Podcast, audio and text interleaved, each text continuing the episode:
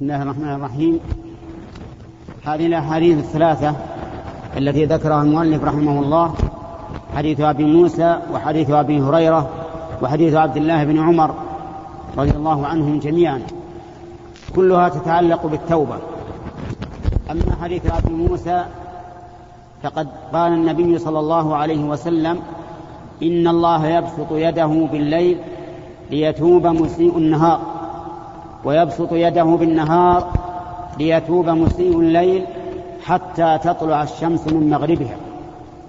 وهذا من كرمه عز وجل أنه يقبل التوبة حتى وإن تأخرت فإذا أذنب الإنسان عبد ذنبا في النهار. فإن الله تعالى يقبل توبته ولو تاب في الليل. وكذلك إذا أذنب في الليل وتاب في النهار فإن الله تعالى يقبل توبته بل إنه تعالى يبسط يده حتى يتلقى هذه التوبة التي تصدر من عبده المؤمن.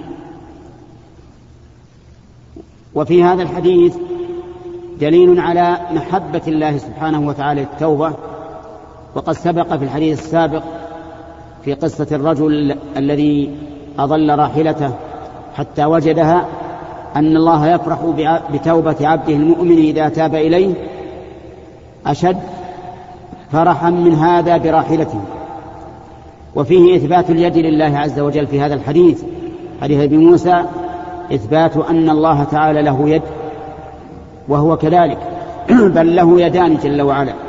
كما قال تعالى وقالت اليهود يد الله مغلولة غل وقالت اليهود يد الله مغلولة غلت أيديهم. ولعنوا بما قالوا بل يداه مبسوطتان وهذه اليد التي أثبتها الله لنفسه بل اليدان يجب علينا أن نؤمن بهما وأنهما ثابتان لله ثابتتان لله. ولكن لا يجوز أن نتوهم أنها مثل أيدينا لأن الله تعالى يقول في كتابه ليس كمثله شيء وهو السميع البصير. وهكذا كل ما مر بك من صفات الله فأثبتها لله عز وجل لكن بدون أن تمثلها بصفات المخلوقين. لأن الله ليس كمثله شيء لا في ذاته ولا في صفاته عز وجل. وفيها أيضا أن الله سبحانه أن الله سبحانه وتعالى يقبل توبة العبد في هذا الحديث وفي هذا الحديث أن الله يقبل توبة العبد وإن تأخرت. لكن المبادرة بالتوبة هو الواجب. لأن الإنسان لا يدري فقد يفجأه الموت فيموت قبل أن يتوب. فالواجب المبادرة لكن مع ذلك لو تأخرت تاب الله على العبد. وفيها في هذا الحديث دليل على أن الشمس إذا طلعت من مغربها انتهى قبول التوبة. ولكن قد يسأل السائل يقول هل الشمس تطلع من مغربها؟ المعروف أن الشمس تطلع من المشرق. فنقول نعم هذا هو المعروف وهذا هو المضطرد. منذ خلق الله الشمس إلى يومنا هذا لكن في آخر الزمان يأمر الله الشمس أن ترجع من حيث جاءت. فتنعكس الدورة. تدور بالعكس تطلع من مغربها. فإذا رآها الناس آمنوا كلهم حتى الكفار اليهود والنصارى والبوذيون والشيوعيون وغيرهم كلهم يؤمنون. ولكن الذي لم يؤمن قبل أن تطلع الشمس من مغربها لا ينفعه إيمان كل يتوب أيضا. لكن الذي الذي لم يتب قبل أن تطلع الشمس من مغربها لا تقبل توبته. لأن هذه آية. آية يشهدها كل أحد. وإذا جاءت الآيات المنذرة لم تنفع التوبة ولم ينفع الإيمان. أما حديث أبي هريرة رضي الله عنه في أن الله سبحانه وتعالى يقبل التوبة ما لم تطلع الشمس من مغربها فهو كحديث أبي موسى. وأما حديث عبد الله بن عمر أن الله يقبل توبة عبده ما لم يغرغر يعني ما لم تصل الروح الحلقوم. فإذا وصلت الروح الحلقوم فلا توبة. وقد بينت النصوص الأخرى أنه إذا حضر الموت فلا توبة لقوله تعالى وليست التوبة للذين يعملون السيئات حتى إذا حضر أحدهم الموت قال إني تبت الآن. فعليك يا أخي المسلم أن تبادر بالتوبة إلى الله عز وجل من الذنوب وأن تقلع عما كنت متلبسا به من المعاصي وأن تقوم بما فردت به من الواجبات وتسأل الله قبول توبتك. والله موفق. عن زر بن حبيش قال أتيت صفوان بن عسال رضي الله عنه أسأله عن عن المسح على الخفين. فقال ما جاء يا زر فقلت ابتغاء العلم. فقال إن الملائكة تضع أجنحتها أجنحتها بالنصب إن الملائكة تضع أجنحتها لطالب العلم رضاء بما يطلب. فقلت إنه قد حك في صدر المسح على الخفين بعد الغائط والبول. وكنت امرأ من أصحاب النبي صلى الله عليه وسلم فجئت أسأله هل سمعته كنت و... و... وكنت امرأة. وكنت امرأة من أصحاب النبي صلى الله عليه وسلم فجئت أسأله هل سمعته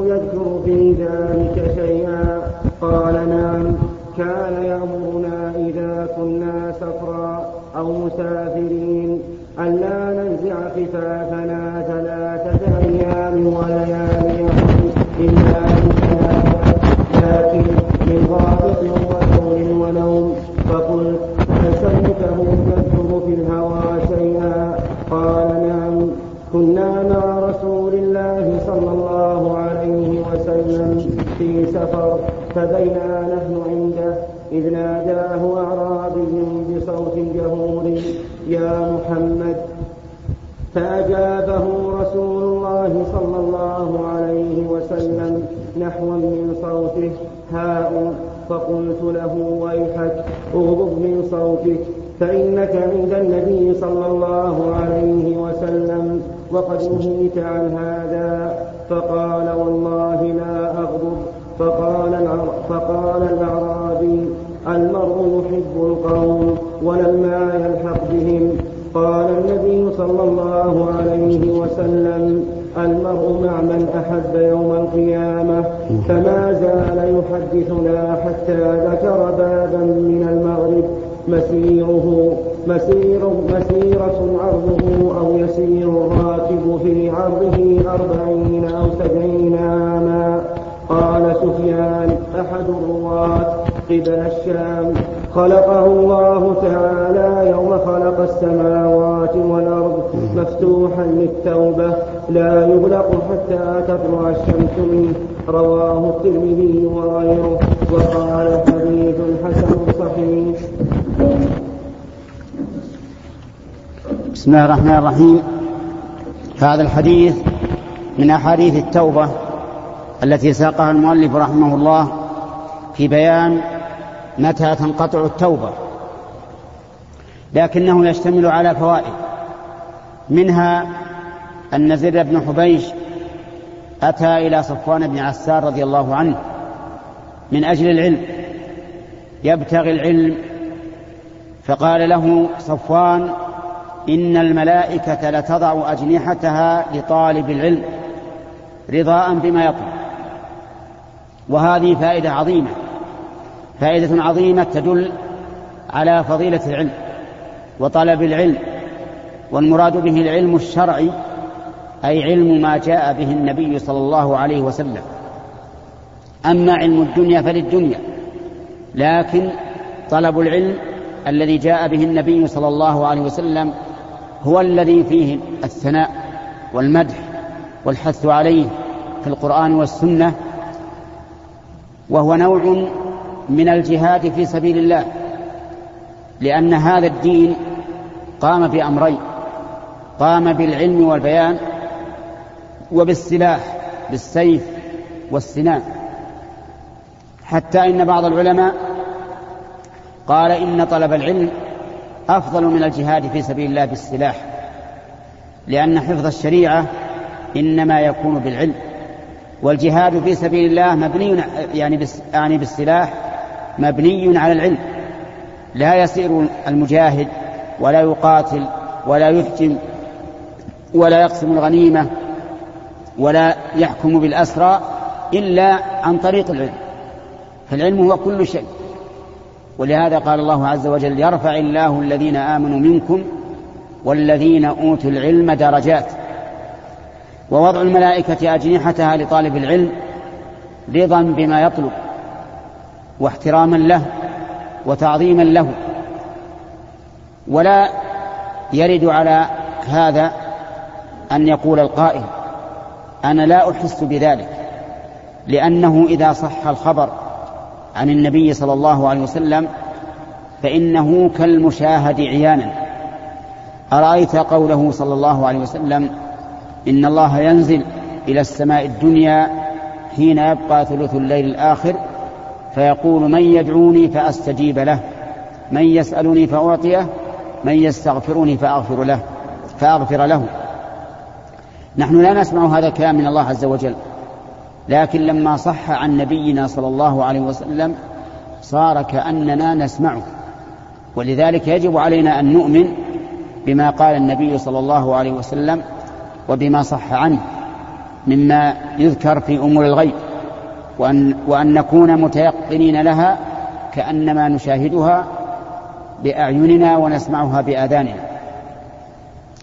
ثم ذكر زر لصفوان بن عسال أنه حك في صدره المسح على الخفين بعد البول والغائط يعني أن الله تعالى ذكر في القرآن يا أيها الذين آمنوا إذا قمتم إلى الصلاة فاغسلوا وجوهكم وأيديكم إلى المرافق وامسحوا برؤوسكم وأرجلكم إلى الكعبين. فيقول إنه حك في صدري يعني صار عندي توقف وشك في المسح على الخفين بعد البول والغائط. هل هذا جائز أو لا؟ فبين له صفوان بن عسار رضي الله عنه أن ذلك جائز. لأن النبي صلى الله عليه وسلم أمرهم إذا كانوا سفرا أو مسافرين أن لا ينزعوا خفافهم إلا من جنابة ولكن من غائط وبول ونوم. فدل هذا على جواز المسح على الخفين بل إن المسح على الخفين أفضل إذا كان الإنسان لابسا لهما. وقد ثبت في الصحيحين من حديث المغيرة بن شعبة رضي الله عنه أنه كان مع النبي صلى الله عليه وسلم في سفر فتوضأ النبي صلى الله عليه وسلم فأهوى المغيرة لينزع خفيه فقال دعهما فإني أدخلتهما طاهرتين فمسح عليه ففي هذا دليل واضح على أن الإنسان الذي عليه جوارب أو عليه خفان أن الأفضل أن يمسح عليهما ولا يغسل رجليه. وسنتكلم إن شاء الله في الدرس القادم على شروط المسح على الخفين والمدة التي حددها النبي صلى الله عليه وسلم للمسح عليهما. والله أعلم. سبق الكلام على أول هذا الحديث وبيان فضل السعي والمشي إلى طلب العلم. وأن الملائكة تضع أجنحتها لطالب العلم رضاء بما يطلب. وسبق لنا أيضا أنه ينبغي للإنسان إذا أشكل عليه شيء أن يسأل ويبحث عن من هو أعلم بهذا الشيء حتى لا يبقى في قلبه حرج مما سمع.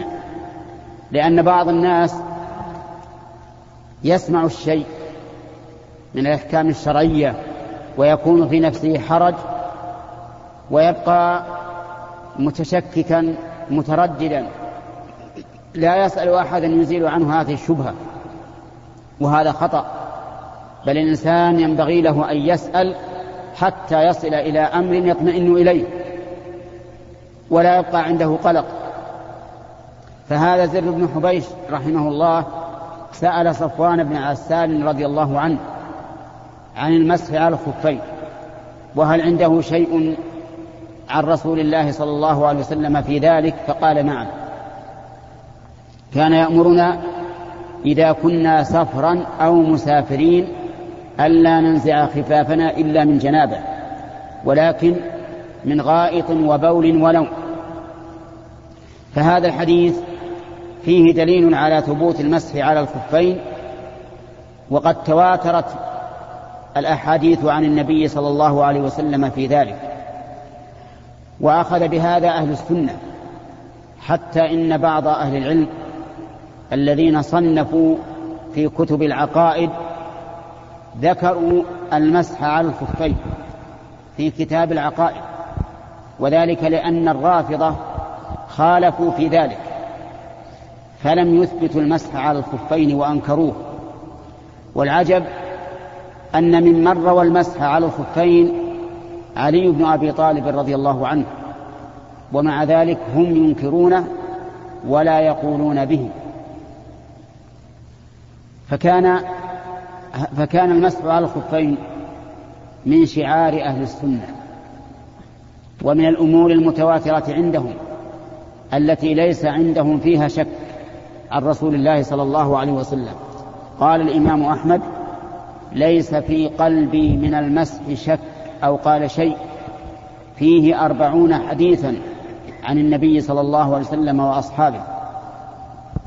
ولكن لا بد من شروط لجواز المسح على الخفين. الشرط الأول أن يضعهما على طهارة.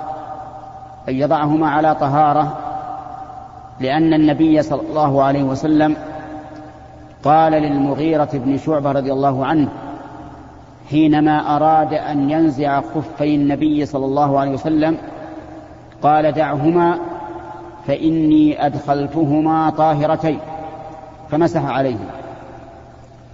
ولا فرق بين أن تكون هذه الطهارة قد مسح فيها قد غسل فيها الرجل أو مسح فيها على خف سابق. فمثلا لو توضأ وضوءا كاملا وغسل رجلين ثم لبس الجوارب يعني الشراب أو الخفين فهنا ما لبسهما على طهارة كذلك لو كان قد لبس جوارب من قبل ومسح عليهما ثم احتاج إلى زيادة جورب ولبسه على الجورب الأول الذي مسحه وهو على طهارة فإنه يمسح على الثاني. لكن تكون يكون ابتداء المدة من المسح على الأول لا من المسح على الثاني. هذا هو القول الصحيح. أنه إذا لبس خفا على خف ممسوح فإنه يمسح على الأعلى لكن يبني على مدة المسح على الأول. لا بد أن يلبسهما على طهارة ولا بد أن تكون الطهارة بالماء. فلو لبسهما على طهارة تيمم فإنه لا يمسح عليهما. مثل رجل مسافر ليس معه ماء فتيمم ولبس الخفين على طهارة تيمم. ثم بعد ذلك وجد الماء وأراد أن يتوضأ ففي هذه الحال لا بد أن يخلع الخفين ويغسل قدميه عند الوضوء ولا يجوز المسح عليهما في هذه الحال لأنه لم يلبسهما على طهارة غسل فيها الرجل فإن التيمم يتعلق بعضوين فقط وهما الوجه والكفان. الشرط الثاني أن يكون المسح عليهما في الحدث الأصغر. ولهذا قال صفوان بن عبسال إلا من جنابة ولكن من غائط وبول ونوم. فإذا صار على الإنسان جنابة فإنه لا يجزئ أن يمسح على الجوربين أو الخفين بل لا بد من نزعهما وغسل القدمين. وذلك لأن الطهارة الكبرى ليس فيها مسح إلا للضرورة في الجبيرة ولهذا لا يمسح فيها الرأس. لا بد من غسل الرأس مع أنه في الحدث الأصغر يمسح لكن الجنابة طهارتها أوكل وحدثها أكبر فلا بد من الغسل ولا يمسح فيها على الخف لهذا الحديث ولأن المعنى والقياس يقتضي ذلك. الشرط الثالث أن تكون أن يكون المسح في المدة التي حددها النبي صلى الله عليه وسلم. وهي يوم وليلة للمقيم وثلاثة أيام بلياليها للمسافر. كما صح ذلك أيضا من حديث علي بن أبي, بن أبي طالب رضي الله عنه في صحيح مسلم قال جعل النبي صلى الله عليه وسلم للمقيم يوم وليلة وللمسافر ثلاثة أيام بلياليها يعني في المسح على الخفين. فإذا انتهت المدة فلا مسح لا بد أن يخلع الجوربين أو الخفين ثم يصل القدمين. ولكن إذا انتهت المدة وأنت على طهارة فاستمر على طهارتك. لا تنتقض الطهارة. ولكن إذا أردت أن تتوضأ بعد انتهاء المدة فلا بد من غسل القدمين. والله موفق. بسم الله الرحمن الرحيم. تقدم الكلام على أول هذا الحديث وأشرنا إلى ما فيه من الأحكام الفقهية فيما يتعلق بالمسح على الخفين. ثم إن زر بن حبيش سأل صفوان بن عسال هل سمع النبي صلى الله عليه وسلم يقول في الهوى شيئا؟ الهوى يعني المحبة والميل. فقال نعم. ثم ذكر قصة الأعرابي الذي كان جهوري الصوت فجاء ينادي يا محمد! بصوت مرتفع. فقيل له ويحك؟ تنادي رسول الله صلى الله عليه وسلم بصوت مرتفع. والله عز وجل يقول يا أيها الذين آمنوا لا ترفعوا أصواتكم فوق صوت النبي ولا تجهروا له بالقول كجهر بعضكم لبعض أن تحبط أعمالكم وأنتم لا تشعرون. ولكن الأعراب لا يعرفون الآداب كثيرا لأنهم بعيدون عن المدن وبعيدون عن العلم. فنادى فأجابه النبي صلى الله عليه وسلم بصوت مرتفع كما كما سأل الأعراب. لأن رسول الله صلى الله عليه وسلم أكمل الناس هديا يعطي كل إنسان بقدر ما يتحمله عقله فخاطبه بمثل ما خاطب به النبي صلى الله عليه وسلم. قال له الأعرابي المرء يحب القوم ولما يلحق بهم يعني يحب القوم ولكن عمله دون عملهم لا يساويهم في العمل. فمع من يكون أيكون معهم أو لا فقال النبي صلى الله عليه وسلم المرء مع من أحب يوم القيامة. الحمد لله نعمة عظيمة. وقد روى أنس بن مالك هذه القطعة من الحديث أن النبي صلى الله عليه وسلم قال المرء مع من أحب. قال أنس فأنا أحب رسول الله صلى الله عليه وسلم وأبا بكر وعمر وأرجو أن أكون معهم. وهكذا أيضا نحن نشهد الله عز وجل على محبة رسول الله صلى الله عليه وسلم وخلفائه الراشدين وصحابته وأئمة الهدى من بعدهم ونسأل الله أن يجعلنا معهم. هذه بشرى بشرى للإنسان أنه إذا أحب قوما صار معهم وإن قصر به عمله. يكون معهم في الجنة ويجمعه الله معهم في الحشر ويشربون من من حوض النبي صلى الله عليه وسلم جميعا وهكذا. كما أن من أحب الكفرة فإنه ربما يكون معهم والعياذ بالله.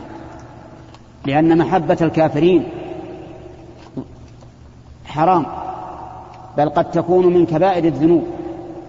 فالواجب على المسلم أن يكره الكفار وأن يعلم أنهم أعداء له مهما أبدوا من الصداقة والمودة والمحبة فإنهم لن يتقربوا إليك إلا لمصلحة أنفسهم ومضرتك أيضا. أما أن يتقربوا إليك لمصلحتك فهذا شيء بعيد.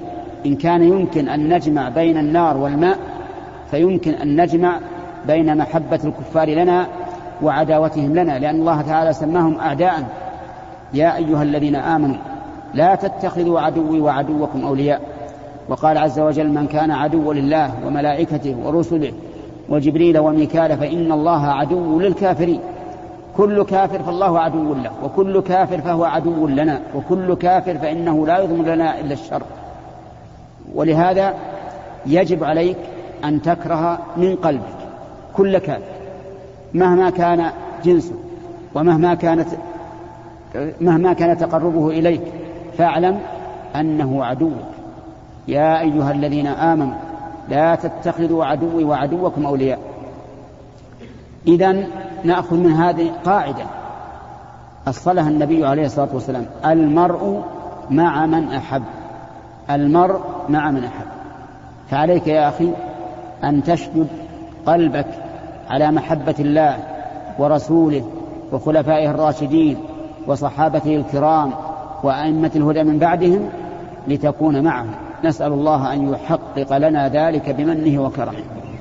رب العالمين والصلاة والسلام على نبينا محمد وعلى آله وصحبه أجمعين.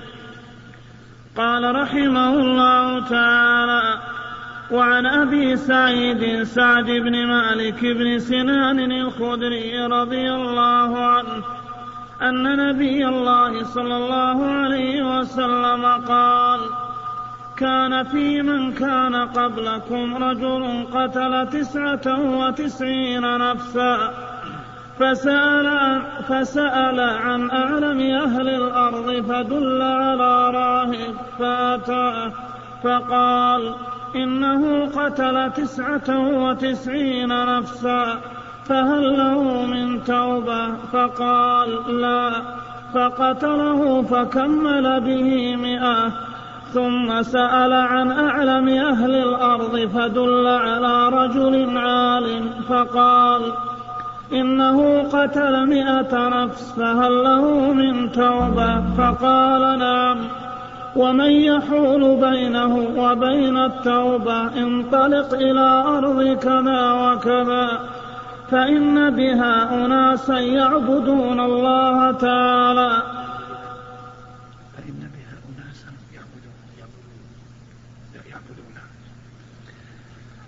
فإن بها أناسا يعبدون الله تعالى فاعبد الله معهم ولا ترجع إلى أرضك.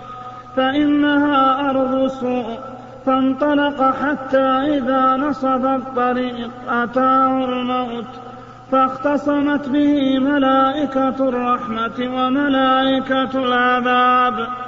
فقالت ملائكة الرحمة جاء تائبا مقبلا بقلبه إلى الله تعالى.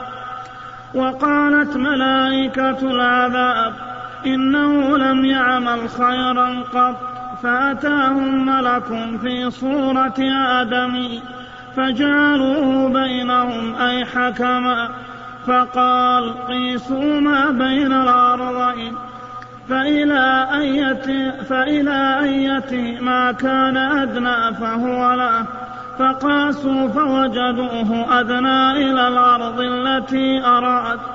فقبضته ملائكة الرحمة متفق عليه. وفي رواية بالصحيح فكان إلى القرية الصالحة أقرب بشبر فجعل من أهلها. وفي رواية بالصحيح فأوحى الله تعالى إلى هذه أن تباعدي وإلى هذه أن تقربي. وقال قيسوا ما بينهما فوجدوه إلى هذه أقرب بشبر فغفر له وفي رواية فنأى بصدره نحوها. بسم الله الرحمن الرحيم. نقل المؤلف رحمه الله عن أبي سعيد سعد بن سنان بن مالك الخدري رضي الله عنه أن النبي صلى الله عليه وسلم قال كان في من كان قبلكم رجل قتل تسعة وتسعين نفسا. ثم إنه ندم وسأل عن أعلم أهل الأرض يسأله هل له من توبة فدل على رجل. فإذا هو راهب يعني عابدا ولكن ليس عنده علم. فلما سأله قال إنه قتل تسعا وتسعين نفسا فهل له من توبة؟ فاستعظم الراهب هذا الذنب وقال ليس لك توبة.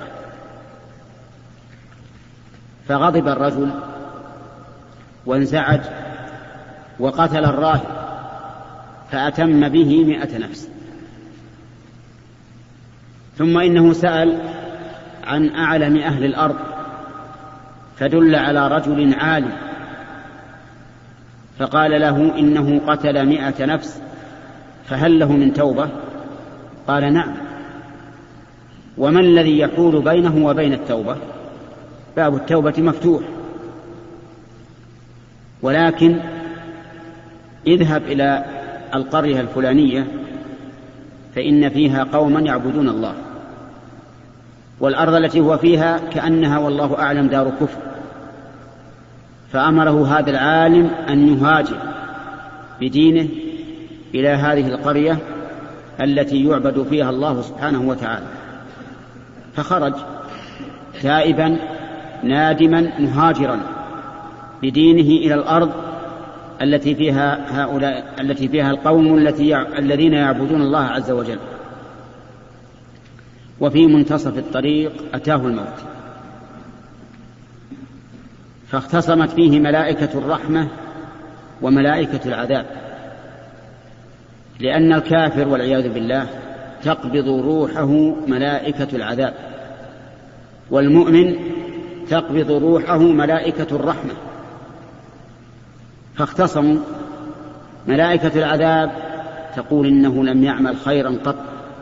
يعني بعد توبة ما عمل خيرا. وملائكة الرحمة تقول إنه تاب وجاء نادما تائبا. فحصل في بينهما خصومة. فبعث الله تعالى إليهم ملكا ليحكم بينهم. فقال قيسوا ما بين الأرضين. فإلى أيتهما كان أقرب فهو له يعني فهو من أهلها إن كانت أرض الكفر أقرب إليه فملائكة العذاب تقبض روحه. وإن كان إلى بلد الإيمان أقرب فملائكة الرحمة تقبض روحه. فقاسوا ما بينهما فإذا البلد التي اتجه إليها وهي بلد الإيمان أقرب من البلد التي هاجر منها بنحو شبر مسافة قريبة. فقبضته ملائكة الرحمة. ففي هذا دليل على فوائد كثيرة. منها أن القاتل له توبة. القاتل إذا قتل إنسانا عمدا ثم تاب فإن الله تعالى يقبل توبته. ودليل ذلك في كتاب الله قوله تعالى إن الله لا يغفر أن يشرك به ويغفر ما دون ذلك لمن يشاء. يعني ما دون الشرك فإن الله تعالى يغفره إذا شاء. وهذا هو الذي عليه جمهور أهل العلم. وذكر عن عبد الله بن عباس رضي الله عنهما أن القاتل ليس له توبة. لأن الله يقول ومن يقتل مؤمنا متعمدا فجزاؤه جهنم خالدا فيها وغضب الله عليه ولعنه وأعد له عذابا عظيما. ولكن ما ذهب إليه الجمهور هو الحق. وما روي عن ابن عباس رضي الله عنهما فإنه يمكن أن يحمل على أنه ليس له توبة بالنسبة للمقتول. وذلك لأن القاتل إذا قتل تعلق في تعلق فيه ثلاثة حقوق. ثلاثة حقوق الحق الأول لله والثاني للمقتول والثالث لأولياء المقتول. أما حق الله فلا شك أن الله تعالى يغفره بالتوبة. بقول الله تعالى قل يا عبادي الذين أسرفوا على أنفسهم لا تقنطوا من رحمة الله إن الله يغفر الذنوب جميعا. ولقوله تعالى والذين لا يدعون مع الله إلها آخر ولا يقتلون النفس التي حرم الله إلا بالحق ولا يزنون ومن يفعل ذلك يلقى أثاما يضاعف له العذاب يوم القيامة ويخلد فيه مهانا إلا من تاب. وآمن وعمل عملا صالحا فأولئك يبدل الله سيئاتهم حسنات. وأما حق المقتول فإن توبة القاتل لا تنفعه ولا تؤدي إليه حقه لأنه مات ولا يمكن الوصول إلى استحلاله أو التبرؤ من من دمه فهذا هو الذي يبقى مطالبا به القاتل ولو تاب وإذا كان يوم القيامة فالله يفصل بينه. وأما حق أولياء المقتول فإنها لا تصح توبة القاتل حتى يسلم نفسه إلى أولياء المقتول ويقر بالقتل ويقول أنا القاتل وأنا الآن بين أيديكم. إن شئتم اقتلوني وإن شئتم خذوا الدية وإن شئتم اسمحوا. فإذا تاب إلى الله وسلم نفسه لأولياء المقتول يعني لورثته فإن توبته تصح. وما بينه وبين المقتول يكون الحكم فيه إلى الله يوم القيامة. والله موفق. والصلاة والسلام على نبينا محمد وعلى آله وصحبه أجمعين. قال رحمه الله تعالى وعن أبي نجيد بضم النون وفتح الجيم عمران بن الحصين الخزاعي رضي الله عنهما أن امرأة من جهينة أتت رسول الله صلى الله عليه وسلم وهي حبلى من الزنا فقالت يا رسول الله أصبت حدا فأقمه عليه فدعا نبي الله صلى الله عليه وسلم وليا فقال أحسن إلي فإذا وضعت فأتني ففعل فأمر بها نبي الله صلى الله عليه وسلم فشدت عليها ثيابها ثم أمر بها فرجمت نعم. ثم صلى عليها فقال له تصلي عليها يا رسول الله وقد زنت. قال لو لقد تابت توبة لو قسمت بين سبعين من أهل المدينة لوسعتهم. وهل وجدت أفضل من أن جادت بنفسها لله عز وجل؟ رواه مسلم. بسم الله الرحمن الرحيم. قال المؤلف رحمه الله تعالى فيما نقله عن عمران بن حصين رضي الله عنه أن امرأة جاءت إلى النبي صلى الله عليه وسلم وهي حبلى من الزنا يعني حاملا قد زنت رضي الله عنها فقالت يا رسول الله إني أصبت حدا فأقمه علي يعني أصب أصبت شيئا يوجب الحد فأقمه علي. فدعا النبي صلى الله عليه وسلم وليها وأمره أن يحسن إليها فإذا وضعت فليأتي بها إلى رسول الله صلى الله عليه وسلم. فلما وضعت أتى بها وليها إلى النبي صلى الله عليه وسلم فأمر بها فشدت عليها ثيابها يعني لفت ثيابها وربطت لئلا تنكشف. ثم أمر بها فرجمت. رجمت يعني بالحجارة. بحجارة ليست كبيرة ولا صغيرة حتى ماتت.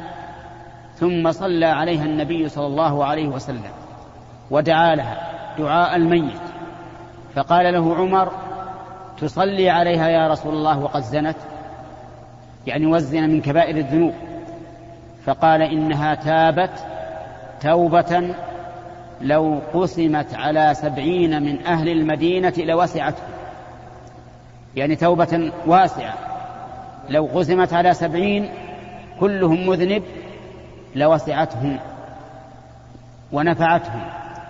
وهل وجدت أفضل من أن جادت بنفسها لله عز وجل؟ يعني هل وجدت أفضل من هذه الحال امرأة جاءت فجادت بنفسها؟ يعني سلمت نفسها من أجل التقرب إلى الله عز وجل والخلوص من إثم الزنا. ما هنا أفضل من هذا؟ ففي هذا الحديث دليل على فوائد كثيرة. منها أن الزاني إذا زنى وهو محصن يعني قد تزوج فإنه يجب أن يرجم وجوبا. وقد كان هذا في كتاب الله عز وجل.